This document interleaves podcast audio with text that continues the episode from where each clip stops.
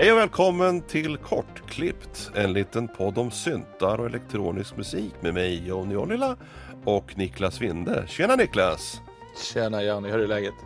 Du, alldeles utmärkt tack. Det blir väldigt höstruskigt här så jag har brasan i full gång här i vardagsrummet för att värma upp huset. Själv då? Ja, fan vad skönt.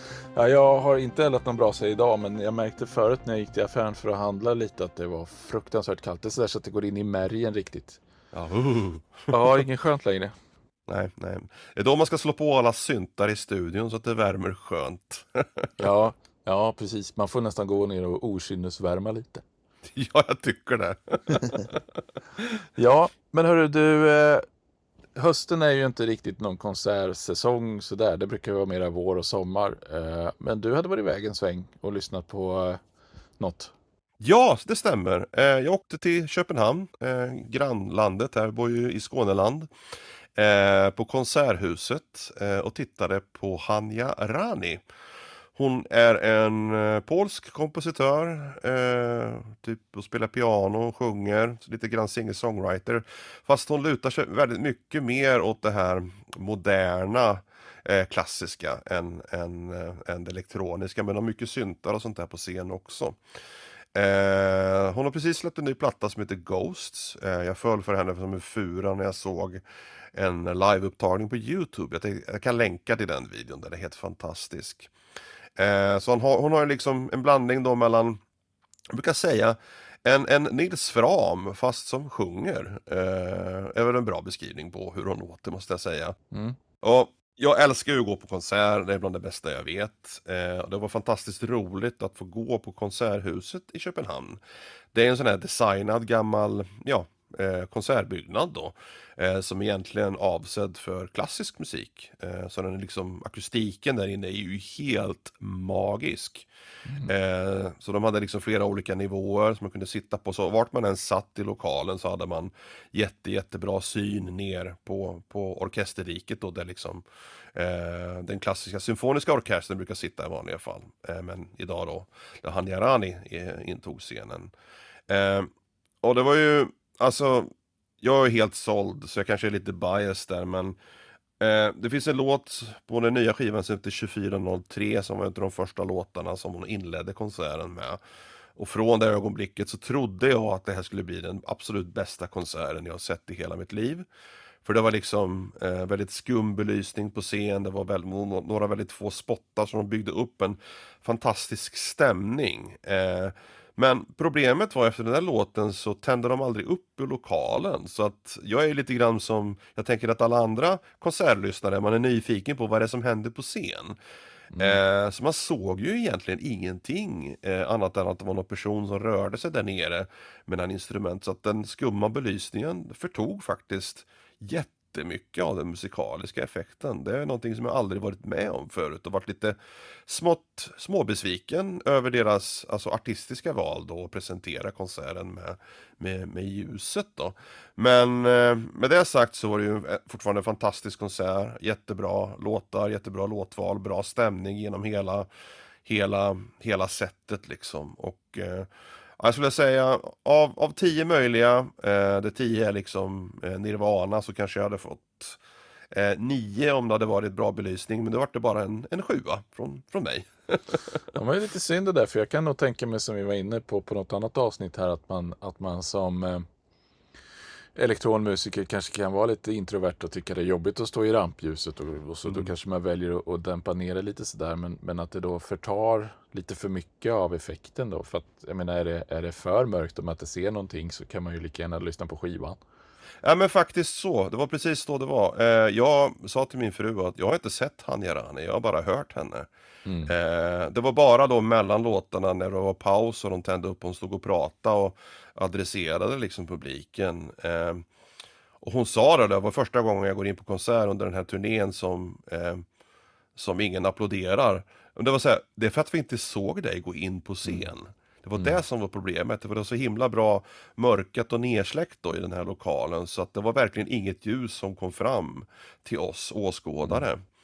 Eh, ja, det var, det var väldigt synd. Eh, men det var väldigt effektfullt i början. Det var väldigt snygga visuals som gick då, som körde live på sådana här vita lakan som hängde och dinglade lite grann i luften då. Eh, så att uh, det var snyggt gjort då, men lite mer ljus hade varit trevligt. Mm. Men eh, det var bra ljud sa du, så då fick du inte så mycket användning för dina nya öronproppar? Nej, det fick jag inte. Alltså det är både bra och dåligt. Det var ett fantastiskt ljud, exceptionellt bra akustik, så att ljudnivån var inte på det sättet att jag ens behövde tänka på att stoppa in hörlurarna. Men vad kul att, bra att du nämner det, för jag skulle nämligen testa de här. Jag köpte Loops eh, hörselskydd. Helt passiva är de. Eh, modellen som jag har är Engage Plus.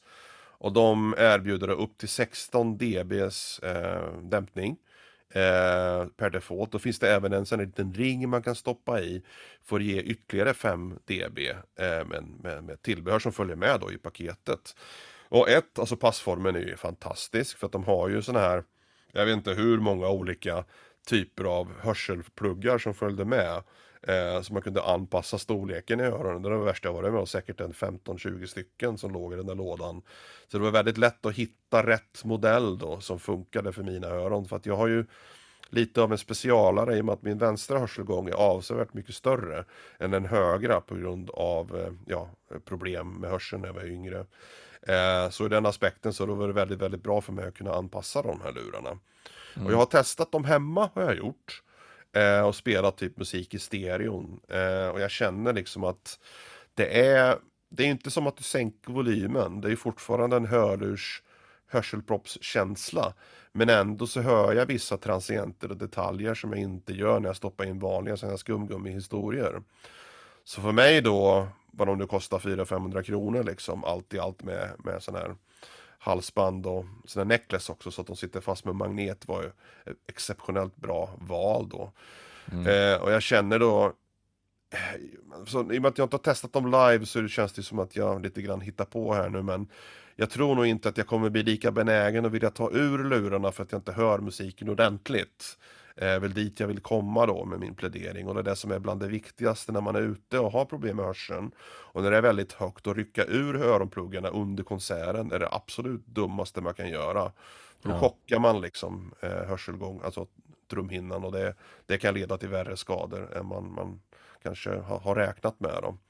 Så mm. att eh, jag ska prova de här igen tänkte jag nu på EMOM, ta med dem dit och ha dem på mig under hela sättet.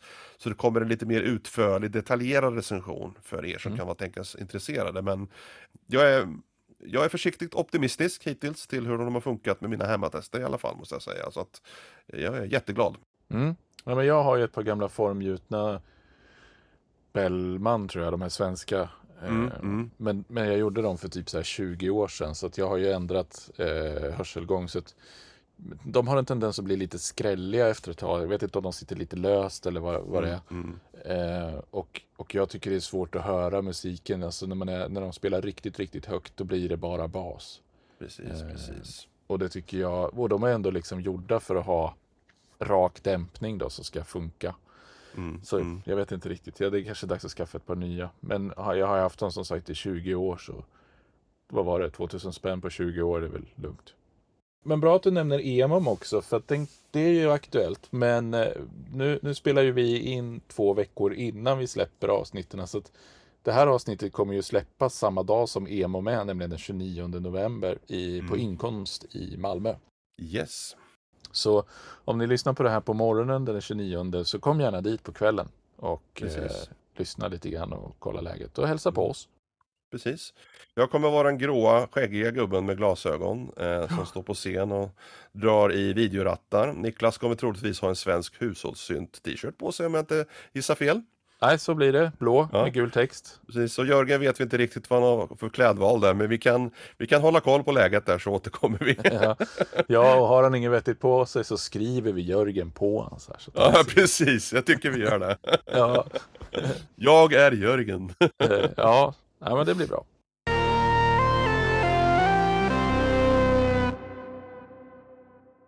Ja, Dagens tema är ju egentligen eh, mixlådan då, så vi får tacka alla som har varit snälla och skickat in sina alster i olika grader av färdigstadie till oss som vi har fått eh, lyssna och tycka till om. Det här tycker vi är skitkul alltså. Mixlådan är Alltså förra gången var jätterolig, den här gången har inte varit sämre på något sätt. Det här är, det här är våran grej liksom.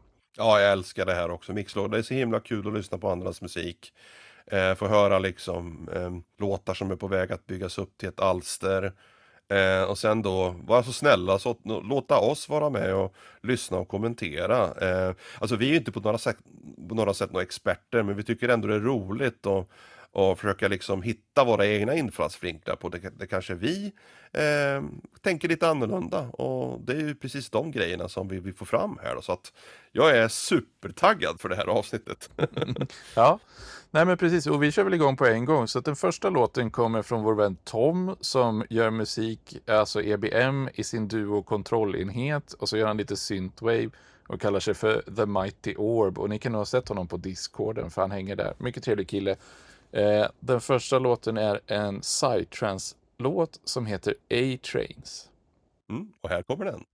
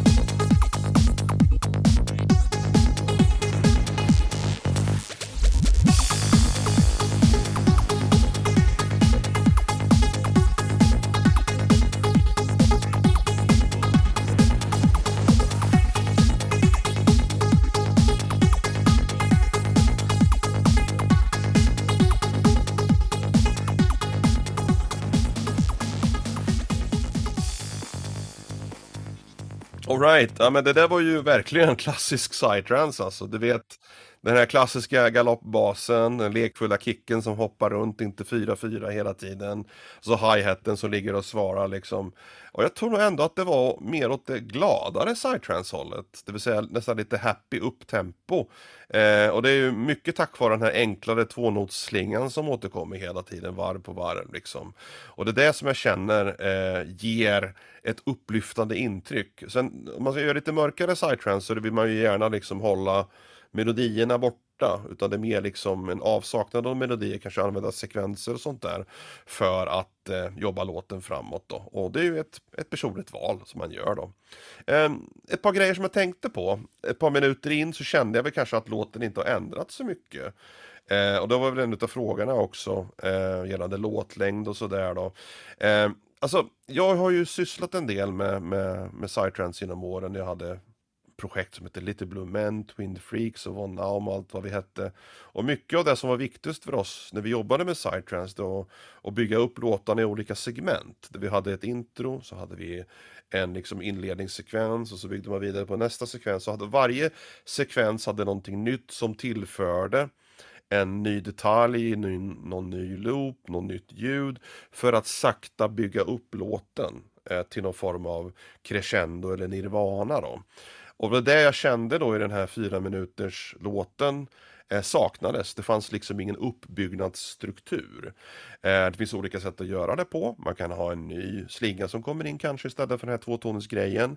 Man kanske kan lägga in röstsamplingar som du själv har skrivit redan eh, för att hjälpa då bygga, bygga då eh, det som vi kallar för tension i i engelskan. Men spänning är inte riktigt samma sak tycker jag. Men det, man, det, som, låten på något sätt vibrerar, man blir nyfiken, man blir liksom hänförd av det som händer och väntar på vad som ska komma skall då. Det är lite grann den grejen jag känner kanske saknas. Eh, och det de ljuden som finns där funkar jättebra. Eh, det som man kanske kan tänka på det är att lägga till några nya segment och jobba liksom i, i block istället för att jobba liksom med ett långt snöre. Eh, vad, vad, tänkte du Niklas när du lyssnade på låten?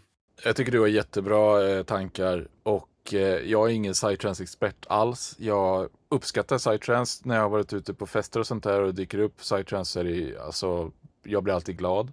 Eh, jag har sett några större akter live, bland annat Infected Mushrooms som ju ibland i alla fall gör psytrance får man väl säga. Eh, samt Astrix heter han väl, det är väl också en lite känd som gör psytrance ibland. Mm. Och, och det som jag tänker spontant på med den här låten är att den skulle jag tycker den skulle må bra av att man pluppade upp den i tempo en smula. Eh, mm. För min, mm. min tanke kring Psytrance är att det är lite mer fart i den så att man upplever liksom att de här ljuden kommer hela tiden. Och jag tror att det är en ganska lagom mängd ljud nu. Man skulle kunna variera det lite grann, men, men framförallt drar man upp tempot 10-15 bpm så kommer man uppleva den här att man blir översköljd och attackerad från alla håll av ljud. Eh, den känslan som jag förknippar med Psytrance kommer man få lite mer av. Och det, det, mm. tror jag, bara liksom det till att börja med skulle göra ganska mycket. Och sen kan man liksom efter att ha känt in hur det blir av det fundera på om man ja, behöver jag ännu mer ljud eh, eller räcker det så här? Ska jag lägga på någon röst? Det, det hör man nog då ifall det liksom behövs.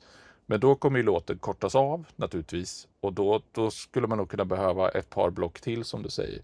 Ja, och kanske, kanske något break någonstans. Jag ska inte säga att jag vet att det är någonting man alltid gör i sidetrans, men jag gillar ju högpassfiltrerad baspaket, att man liksom bara drar av det en sväng. Och så, så låter man det kanske klinga ut en liten stund och sen bara droppar man alltihopa på igen liksom i full ja. fart ja, någon, någon, form av dropp är alltid bra att ha i Psytrance. Alltså det, det, det, gjorde vi alltid, de bitarna gjorde vi alltid live eh, med våra låtar. Vi kunde bygga låtar som var typ 12-14 minuter ibland eh, för live-gig. I och med att ja, tiden eh, står ju som Alltså tiden står ju stilla på scen på ett annat sätt, det går mycket saktare eh, tiden då. Och tillåts man att göra låtarna mycket längre. Men jag tror att den här ändå skulle kunna må bra av att bli lite längre, typ 6-7 minuter. Mm. är nog ingen, eh, ingen eh, utopi tror jag för en psytrance-låt av den här karaktären. Eh, framförallt om man liksom gör de här olika segmenten och bygger upp ett intresse för att bibehålla då lyssnaren. Eh, mm. Men med det sagt, alltså, det är ju en fantastisk struktur redan. Jag gillar melodierna. Jag gillar galoppen jättemycket. Eh, och sen så de här tvåtonsmelodigrejen som kommer in kan ju vara ett återkommande tema. Eh, vilket det redan är idag. Men det kanske finns utrymme för ett par, tre block till då för att skapa den här build-upen som vi snackar om då. Så den här fina droppen som Niklas mm. pratade om. mm. Absolut. Men eh, bra jobbat, mycket roliga ljud. Eh, och du hade med en fråga här, är det synt? Eh, nej, det är inte synt. nej, det är inte synt, men det är väldigt syntetiskt. ja, det är jättefint. Eh, vi kör snabbt på med nästa. Då har vi eh, Johan som gör, namn, gör musik under namnet Abstract Armature Collapse. Eh, och här rör det sig väl om lite mera industriaktig synt, tycker väl jag. Och av Johan har vi fått ett gäng låtar och vi spelar den som jag fastnade mest för och som jag tror du nämnde att du tyckte om också. Drill Dist. Yes.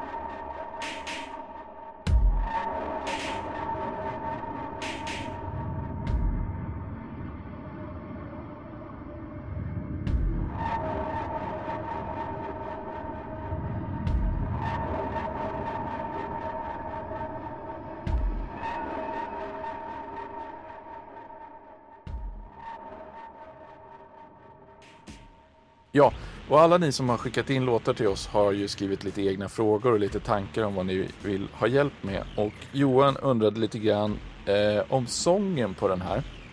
Och det är ju ingen sång som ni kanske märkte. Eh, utan Johan skickade också länkar till gamla låtar som han har gjort förut i samma projekt. Då.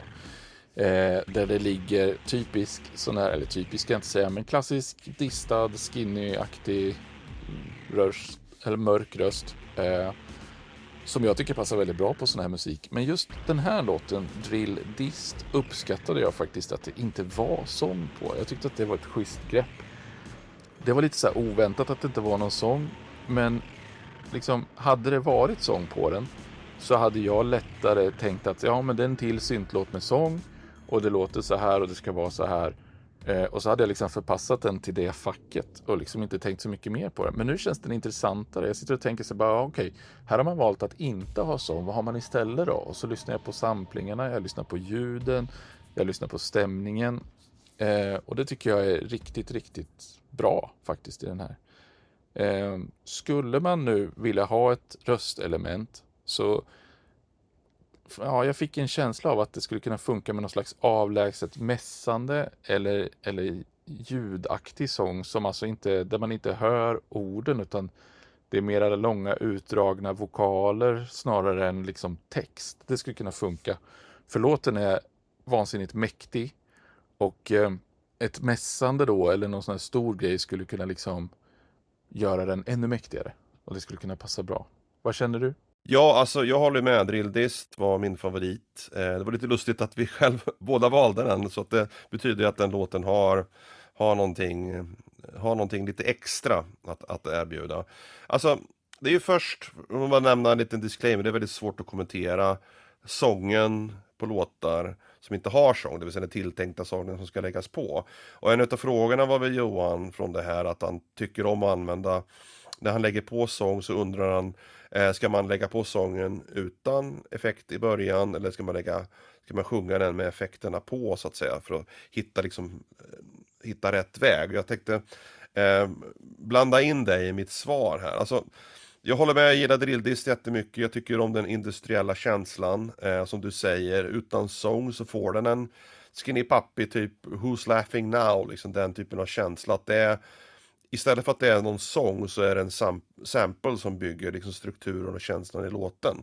Och det här är någonting man skulle kunna utveckla då. Men om eh, man vill göra ett val och ändå lägga sång på.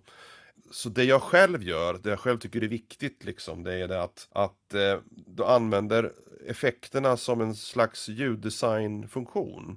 Du sjunger nämligen på ett annorlunda, eller du, alltså jag känner själv att jag sjunger annorlunda när jag har en effektkedja på. Så använder jag då min röst för att manipulera den effektkedjan på ett annat sätt än jag skulle gjort om jag bara hade sjungit rätt upp och ner och sen lagt sång på det.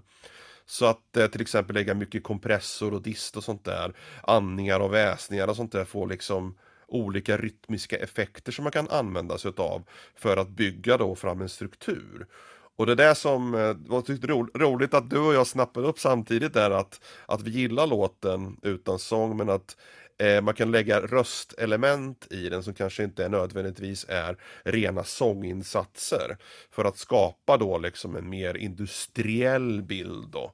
Eh, och det är det jag gillar med den här låten, att den har det här industriella konceptet eh, som mm. kanske röst, eh, vokala röst, rytmiska element skulle funka jättebra på. Mm. Ja, jag tycker det är lite roligt för att jag tror att vi har tolkat hans frågor här lite olika du och jag. Du, du mm. svarade på om ifall man ska sjunga in sången eh, med, med effekter medan man sjunger. Eh, och det, nu när jag läser frågan igen så, så, eh, så ser jag att du har nog rätt i din tolkning, men jag tolkade eh, det som att han undrade ifall han, man skulle prova att lägga sången eh, helt utan effekter när, när, när låten var färdig. Mm. Och eh, i en sån här låt så, så, så, är det ju traditionellt sett ofta att man har väldigt mycket effekter på även när det är färdigt. Liksom, oavsett mm. hur man har sjungit in den, om, om, man har sjungit den rent eller med effekter under tiden. Eh, men jag tror att en sån här låt skulle kunna bli ganska frän om man la riktigt ren röst på den också. Mm. Mm.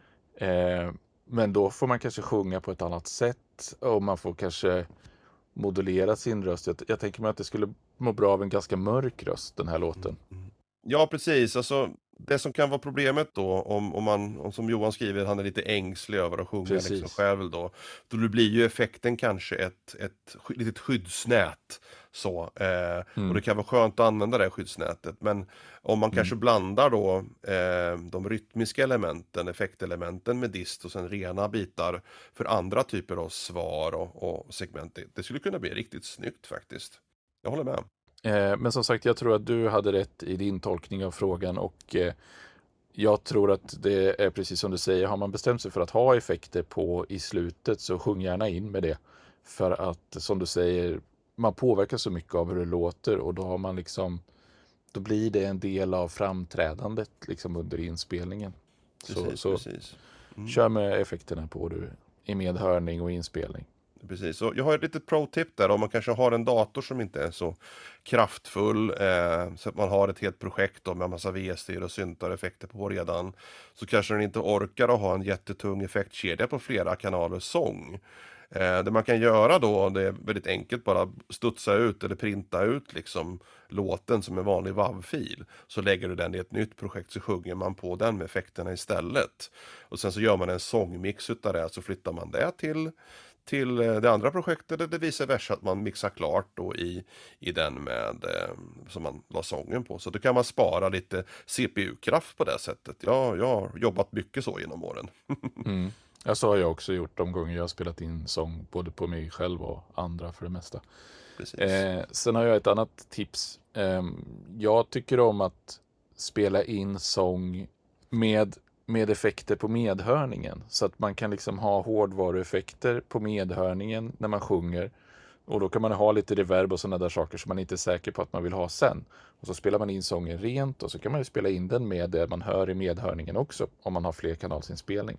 Mm, precis, eh, precis. För då, då, då kan man få lite den här sjunga i bad eller sjunga i duschen känslan som gör att man liksom har lättare att sjunga ut när man har lite reverb på. Mm. Men man kanske inte nödvändigtvis vill spela in med den. Nej, precis, precis.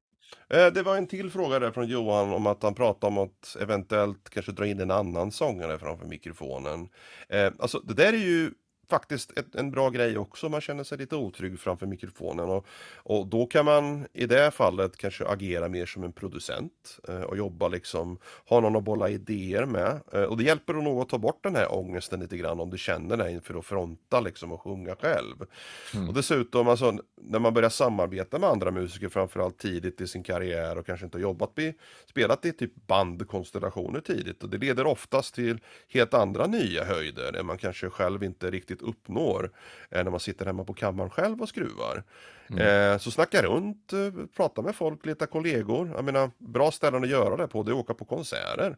Du vet, eller musikforum liksom där ute. För att det finns alltid mm. likasinnade som sitter hemma och pular och vill hjälpa till liksom. Så att, eh, jag menar, jag tycker att det är en bra idé. Eh, om du känner att du inte riktigt kommer hela vägen fram så är det alltid bra att ha det där lilla bollplanket att jobba med i studion. Så att eh, det är någonting som jag faktiskt eh, uppmuntrar till att göra. Eh, om du känner att det är rätt väg att gå. Där har jag faktiskt ett, ett lite annorlunda tips. För att om man, om man är lite osäker på sång och hur man vill ha sången och sånt där så kan man faktiskt köpa den tjänsten via en, till exempel Fiverr eller något liknande och få någon att sjunga på ens låt. Och då får man ju ge lite enkla instruktioner och så sjunger den personen och så kanske man får ge eh, lite tankar om det och så kanske man får en ny insjungning. Och om man inte blir 100% nöjd Eh, eller om man blir 100% nöjd så är allting klart och så är allting fantastiskt och så kan man ge ut det. Och då får man ju bara hoppas att den här personen har lust att sjunga in ens nästa låt också och att den inte var alltför dyr och så vidare. Va? Men, men det som oftast händer, tror jag, i, i det skedet är att när du väl har fått den här svart på vitt färdiga sången från någon så känner du så här Ja, det här är bra för personen är duktig och den har uppnått en massa grejer. Men det var inte alls så här jag ville ha sången.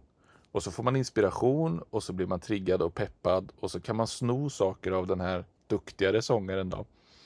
Och så kan man liksom försöka nyttja det och sjunga sin egen grej baserad på vad man har hört från den andra. Så om man känner att man kör fast lite grann, man kanske inte vågar sjunga, man kanske inte känner sig bekväm med det.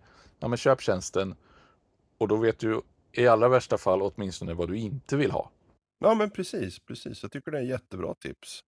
För att det är som en, en köpt collaboration istället för en one-to-one collaboration. Så du behöver inte bli fast med personen i all evig tid. Liksom. Nej men precis, jag menar eh, sådana små samarbeten som man påbörjar med någon eh, gratis och, och, liksom bara på kul. Om det rinner ut i sanden så, så kanske inte det är hela världen. Men det kan å andra sidan vara jävligt jobbigt att säga nej till någon som man har raggat upp på en spelning. Liksom.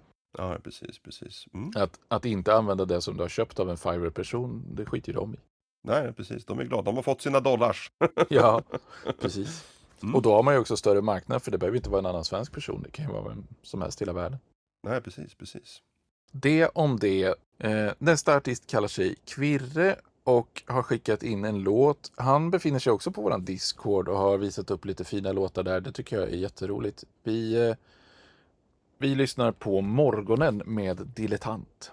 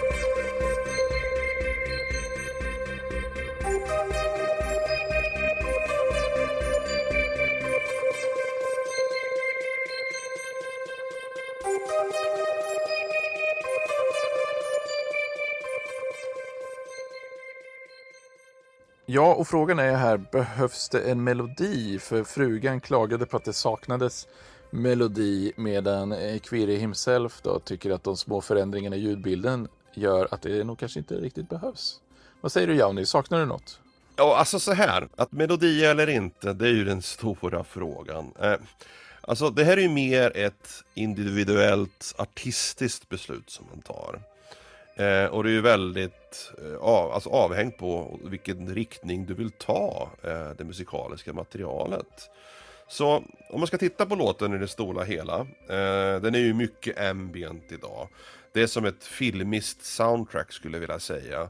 Eh, som hjälper till då att, att kanske understödja en story Eh, som exempel. Och den har väldigt trevliga atmosfäriska element som rör sig liksom fram och tillbaka som, som håller mig intresserad liksom. Men jag hoppar inte upp ur stolen av intresse och vill, vill höra mera. Men den har liksom en skön ambient struktur. Och är det det du eftersöker och det du vill göra, det vill, du vill bygga liksom en, en ambient atmosfär så har du träffat exakt mitt i prick med den här låten. Däremot, om du vill göra mer majestätisk framtoning med låten, det vill säga eh, göra, att förstärka kanske ett filmiskt intryck, en scen eller någonting. Eller du kanske har bilder i ditt huvud liksom, där du vill liksom verkligen få upp till ytan och så här, wow, verkligen presentera med, med, med, med utropstecken i slutet. Då saknas den här melodin, för du måste ha ett tema då i låten som jag som lyssnare kan identifiera mig med och liksom sugas in i melodin när du börjar berätta din historia om låten. Eh, så är det det du är ute efter då krävs ju den här melodin. Så det kan ju vara som så att din fru eh, kanske förväntar sig en mer cinematisk, majestätisk framställning. Eh, Medan du då har den här ambient-betoningen liksom som huvudfokus. Då är det egentligen en artistisk eh, val man får göra i det här ögonblicket. Så jag tycker inte att det krävs någonting egentligen för att driva låten vidare där den är, annat än kanske polera lite nivåer och kanske ha lite avgrundsbas någonstans om du vill ha den här riktiga ambient-mattan som verkligen gräver där långt nere liksom så. Eh, mm. Men annars så tycker jag att låten sitter väldigt fint i, i mixen och sådär. Eh, jag har ingen, inga större liksom anmärkningar på ljudbilden heller och inte heller konstellationen utan att jag gillar det stycket faktiskt jättemycket. Ja, nej men Quirre skriver ju själv här då att eh, låten är i ett väldigt tidigt skede. Eh, men att han hittade ett häftigt ljud som han ville prova. Och jag har suttit nu och gått igenom mina gamla minidiskar med låtar som jag gjorde för 20-22 år sedan. För jag letade efter en speciell till förra avsnittet vi, vi gjorde, du och jag. Mm. Eh, och då hittar jag ju också sådana låtar som bygger på ett fränt ljud jag har hittat. Och mm det, jag blev lite så nostalgiskt varm i själen av dels den meningen och dels att höra den här låten. För man känner verkligen igen den här känslan mm. av att fan det här låter ju så jäkla fränt. Det här skulle jag kunna lyssna på i flera timmar och så spelar man på det och så och här har du liksom lyckats variera ljudet också, få det att leva och bli en, en, eh, en enhet som faktiskt rör sig framåt. Så jag, jag tycker om minimalism och jag tycker om att grotta ner mig i ljudnörderi. Så jag tycker väldigt mycket om det här. Men jag tycker, tänker också lite grann på filmmusik som du säger. Och jag upplever att låten skulle kunna vara ett, ett fantastiskt intro, antingen till en annan låt eller att den liksom är första delen av en låt som ändrar karaktär ganska mycket. Eh, och så blandar man in en massa melodier och andra saker under några minuter och sen så går man tillbaka till det här temat igen. Och så får, får man liksom känslan av att låten är en slags vandring eller förflyttning i ett imaginärt landskap. Då. Så lite grann som du nämner, lite filmisk sådär. Eh, mm, mm. Så, så ja, nej men det, det är min tanke. Nej, så, nej, så att egentligen det, det är väl eh, att melodi eller inte, du tar det beslutet själv och det är väl lite grann det vi vill säga. Mm. Men eh, vi gillar strukturen och, och låten och den har ju kvaliteter, minimala kvaliteter. Jag gillar att du nämnde det också, för jag tänkte på det eh, själv också när jag lyssnade på låten. Eh, för att jag tycker ju om när saker är minimala, rör sig lite grann. Och jag kan lyssna på dem under många, många, många, många minuter. Alltså typ långa stycken liksom. Typ Loss, Loskill till exempel är en av mina favorit ambient artister. Han har massvis med låtar som håller på hur länge som helst. Och det är, jag kan ha på det i bakgrunden när jag mediterar, när jag jobbar, när jag läser. Och det är precis den här typen av musik som jag själv föredrar att ha på i bakgrunden då, som bara är där och hjälper till att liksom, du vet, understödja det med, undermedvetna. ja, ja, absolut. Eh, och som, som du säger, jag tycker också den är väl mixad och jag tycker det finns, jag vet inte om det är handspelade automationer eller om det är programmerade automationer i DAVen, men jag tycker det, liksom, det rör på sig på ett bra sätt. Jag upplever det som en väldigt trevlig liksom, helhet. Mm, för att vara in the go, det vill säga på väg att gå någonstans, så har du nått väldigt långt på kort tid. Så att, tummen upp där. yes, yes. Nästa band som vi har fått låtar från är Nord, eller jag vet inte om man ska säga Nord, eh, med lite engelskt uttal. Vissa låtar är ju med engelskt namn och engelska samplingar, så jag, jag tycker vi nästan kör på Nord. Nord. Ja, men Nord. Ja, jag, jag, har ju tänkt Nord hela tiden här, nu så vart jag jätteförvirrad, men vi säger Nord. ja, vi så kör på Nord. Så får väl de rätta oss. ja, för grejen är ju att eh, de kommer spela på EMOM den 29, så då får vi veta vad de kallar sig. Precis. eh, och ni som hör det här nu då på eh, onsdag morgonen och känner att ni vill höra mer av Nord så kom till Inkomst ikväll då. Yes. Eh, Nord har skickat tre låtar till oss Eh, och de har lite olika problem med allihopa. Men den första de skickade heter A Former Country där de säger att det här är ett försök till att göra en poplåt men de tycker inte riktigt att den lyfter. Vi lyssnar och ser om vi tycker att den lyfter.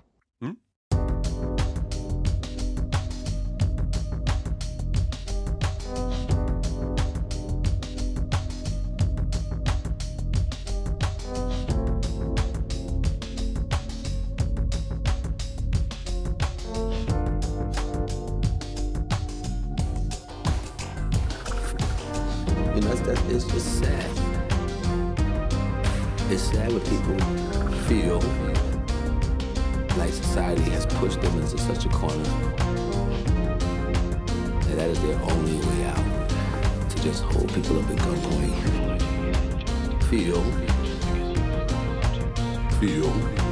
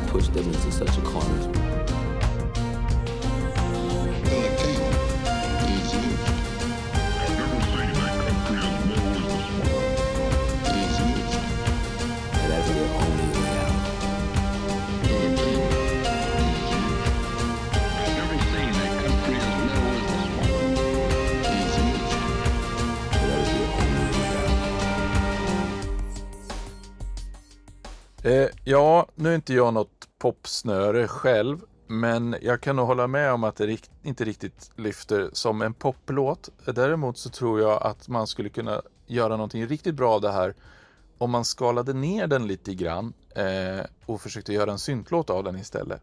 För att jag, jag, tycker det finns väldigt mycket element i den som jag tycker om. Men det som känns lite grann i refrängen är att där kommer det in den här lite poppiga känslan med vad ska man säga, de stråkaktiga ljuden som drar ackordföljden.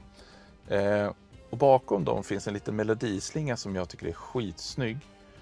Så att om man skippade de här stråkarna för att inte accentuera ackordbytena för mycket i refrängen utan liksom tonade ner det och lät den där melodin kanske flytta ännu längre bak i ljudbilden och mest bara anas.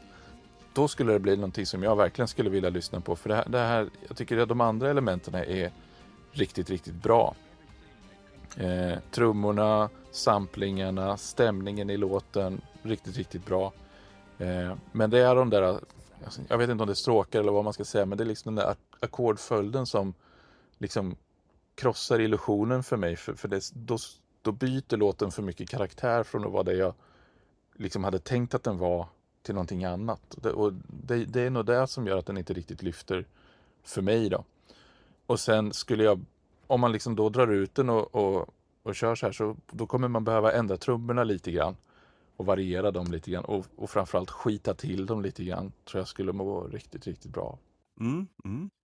Alltså jag, jag stendiggar ju eh, det här jazziga, lite houseiga trumloopen som går genom låten. Och det är väl egentligen någonting som jag själv, när jag lyssnar på låten för typ tredje eller fjärde gången så kände jag att där skulle jag kanske vilja lagt lite fokus på att accentuera det och göra den mer tyngre och mer botten och använda det som huvudfokus. Så ha då eh, de här pop-elementen som du pratade om som ett sekundärt element bara kanske. För att alltså jag tycker det är väldigt svårt att kommentera Nord eh, utan att trampa in på artistiska områden. För att eh, alltså, deras musik är extremt experimentell. Och även liksom, den är okonventionell, den följer liksom inte de här reglerna och strukturerna som man är van vid i popmusik. Och det är kanske därför man också inte känner att det lyfter. Så att jag har kanske ett litet annorlunda råd här. Istället för att liksom försöka poppa till det låt det vara som ni själva kanske är bekväma och nöjda med. Och gå tillbaks liksom till den här lite mer okonventionella sättet att bygga er musik på. För det där tror jag essensen i, i musiken är, är där den liksom lyfter mest för er som artist. Eh, mm. Man kan lyssna på samplingarna kanske, eh, man kan göra dem mer subtila som exempel. Eh, men då försvinner den experimentella ådran i musiken om man tar bort dem.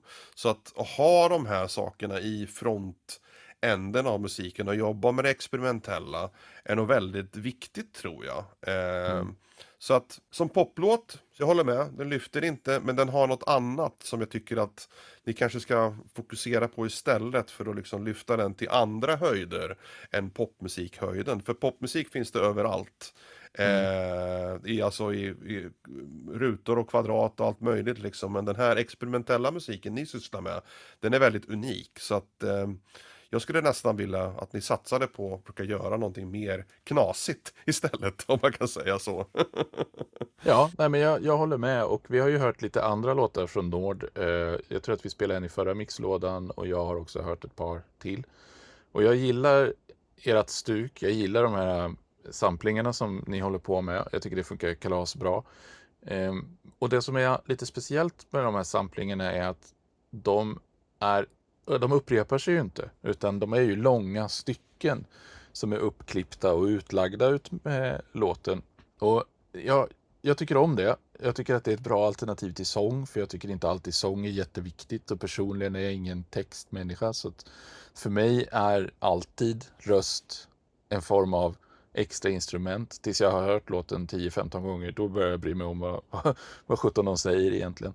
Eh, men det som man kan tänka på om jag ska ge ett tips kring den biten är att en, en person som sjunger fraserar ju rytmiskt ut med låten och om man tar korta samplingar är det ju ganska lätt att lägga dem rytmiskt ut med låten. Och dels så kan man hitta nya rytmer som man inte har tänkt på eh, och dels så kan man liksom aligna med andra rytmer så att orden liksom passar bra med musiken. Jag tror att de här låtarna och andra låtar jag har hört av er skulle må bra av att ni la lite, lite mer tid på att lägga ut texten rytmiskt utmed musiken. Så att den antingen förstärker rytmen som redan finns där eller jobbar lite mot rytmen så att man får ett litet eh, call and response förhållande mellan dem eller kompletterar rytmen. Man bara liksom tänka på att liksom, röst och musik rytmiskt ska passa ihop. Mm. Nej men alltså Nord, jag, jag tror att eh, mitt tips i alla fall, eller mitt och Niklas tips, det är att försöka fortsätta att vara unika och experimentella som ni är. Eh, det är lite grann det som är, som är kontentan i, i våra svar. Så att, tack för det! Skitkul att höra! Ja, tack alla som har skickat in. Det var jätteroligt att få lyssna och tycka om era låtar. Jättekul.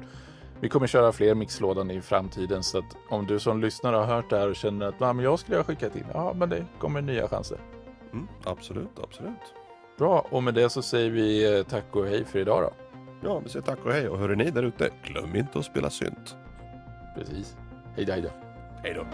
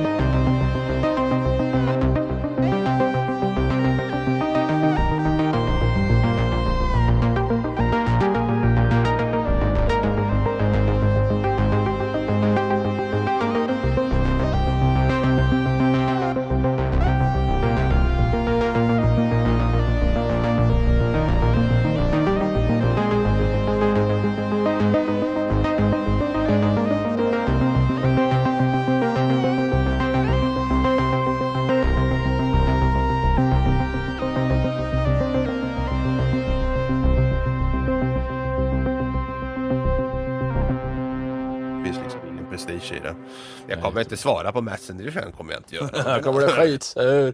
Skitsur. Får jag inte göra din jävla poddjävel själv? Nej.